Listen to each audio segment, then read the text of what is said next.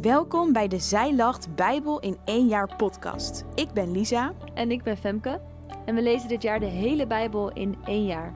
Doe jij met ons mee? Elke week gaan we met elkaar in gesprek over het lezen, begrijpen en leven van de Bijbel. En hoe de Bijbel in één jaar ons daarin helpt. Zo delen we over hoe we het lezen ervaren, wat ons is bijgebleven in de Bijbelstukken van de afgelopen week. We delen interessante weetjes van Bijbelwetenschappers en we vertellen over wat ons helpt om de Bijbel niet alleen te lezen, maar ook echt uit te leven. Ben jij er klaar voor? Luister mee wat ons de afgelopen week is opgevallen. Hey Femke, Hey! daar zijn we weer. Ja! En we zijn eindelijk begonnen in een nieuwe maand. Yes! Dus we hebben de eerste maand helemaal voltooid nu. Ja, nog een lekker taartje hebben we gegeten. We zijn het eigenlijk vergeten, maar laten we misschien deze, deze week weer of deze maand weer doen. Ja. hey, even een korte recap van wat hebben we gelezen deze week. Nou, het was heel veel, maar ja, ik heb het even samengevat als dat we heel veel verschillende betogen hebben gelezen van Jobse vrienden. Mhm. Namelijk Elifas, Bildad en Sofar. En daarna lazen we dan steeds weer Jobs antwoord daarop. Ja, En we lazen een aantal spreuken. Dus het klinkt heel weinig, maar het was natuurlijk wel steeds een hele lap tekst. ja, superveel. Ja, hoe vond jij dat? Nou, ja, ik vond het best wel taai, soort van, Ja. om te lezen. Ja, En ook gewoon omdat je dan moet best wel geconcentreerd lezen van wat staat er eigenlijk of van.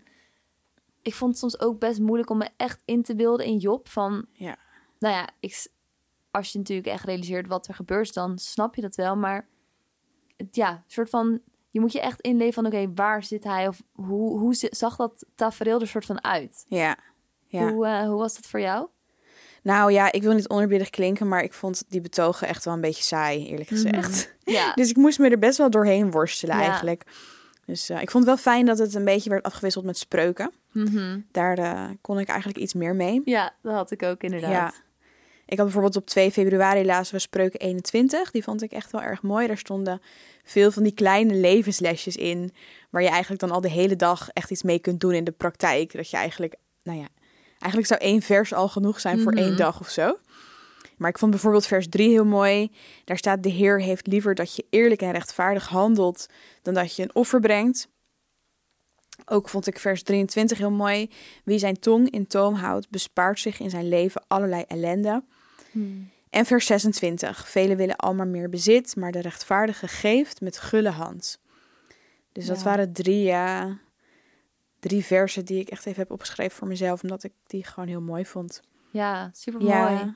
Wat vond jij, wat voor jou op deze week? Ja, nou dat eigenlijk wat jij zegt. Je hebt ze echt benoemd, zeg maar, bij- per zin. En dat vond ik dus ook zo mooi aan de spreuken. Dat ja, Gods waarheid zo duidelijk daarin staat. Echt van, ja, eh, echt soort echt goed, Gods richtlijnen. Wat jij ook zegt van, nou, velen willen al maar meer, Hmm. maar de rechtvaardige heeft een gulle hand. Weet je wel, dat ik denk, oh ja, wij zijn de rechtvaardigen. Dus ja, dat zijn zulke Hmm. praktische dingen. Dus dat, je hebt niet een specifieke zin, maar wel echt van...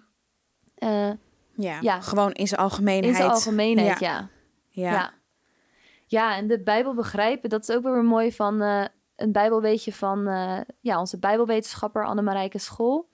En zij zegt: De spreuken die bij de teksten uit Job staan, zijn deels gewoon grappig om te lezen. Bijvoorbeeld, je kunt beter op een hoek van het dak wonen dan in een huis met een vrouw die ruzie zoekt.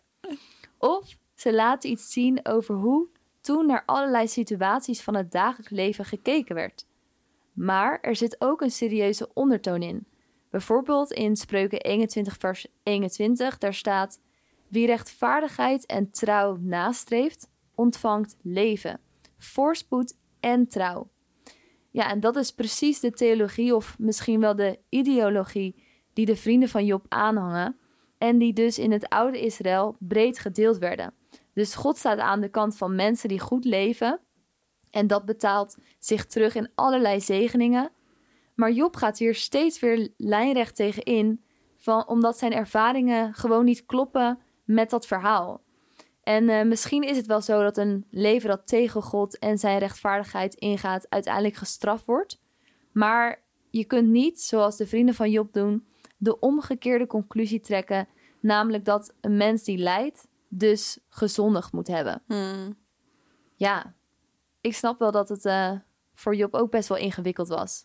Super ingewikkeld. Zeker in die tijd natuurlijk. Nog voor het nieuwe verbond. Hmm. Ehm, ja, ik kan me dat wel voorstellen. Ja. ja, zeker. Dus eh, wel een mooie, interessante, Interessant weet je. dit interessant keer. weetje dit keer, ja. Bedankt Annemarijke. Ja. Hey, de Bijbel leven. Mhm. Nou ja, ik eh, ben dus een beetje aan de slag gegaan met die spreuk om eh, mijn tong in toom te houden. Mhm. Ik ben niet echt een mega kletskous eigenlijk. Ik ben veel meer wat stiller op de achtergrond. Maar nou ja, ik heb soms wel de neiging om een beetje makkelijk mee te praten als er geroddeld wordt of zo. Mhm.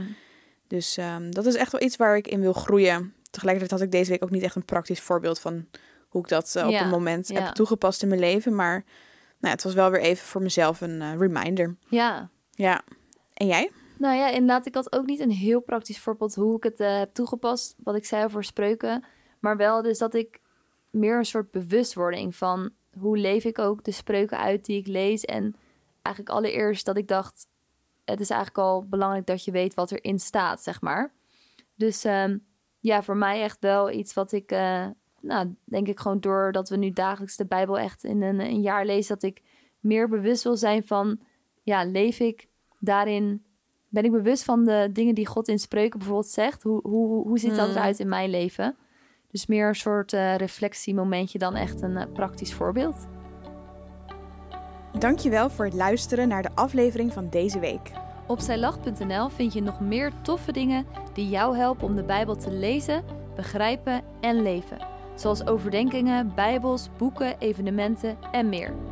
Volgende week, vrijdag, zijn we weer bij je terug met een nieuwe aflevering. We wensen je veel succes met het lezen van de Bijbelstukken deze week. Tot volgende week!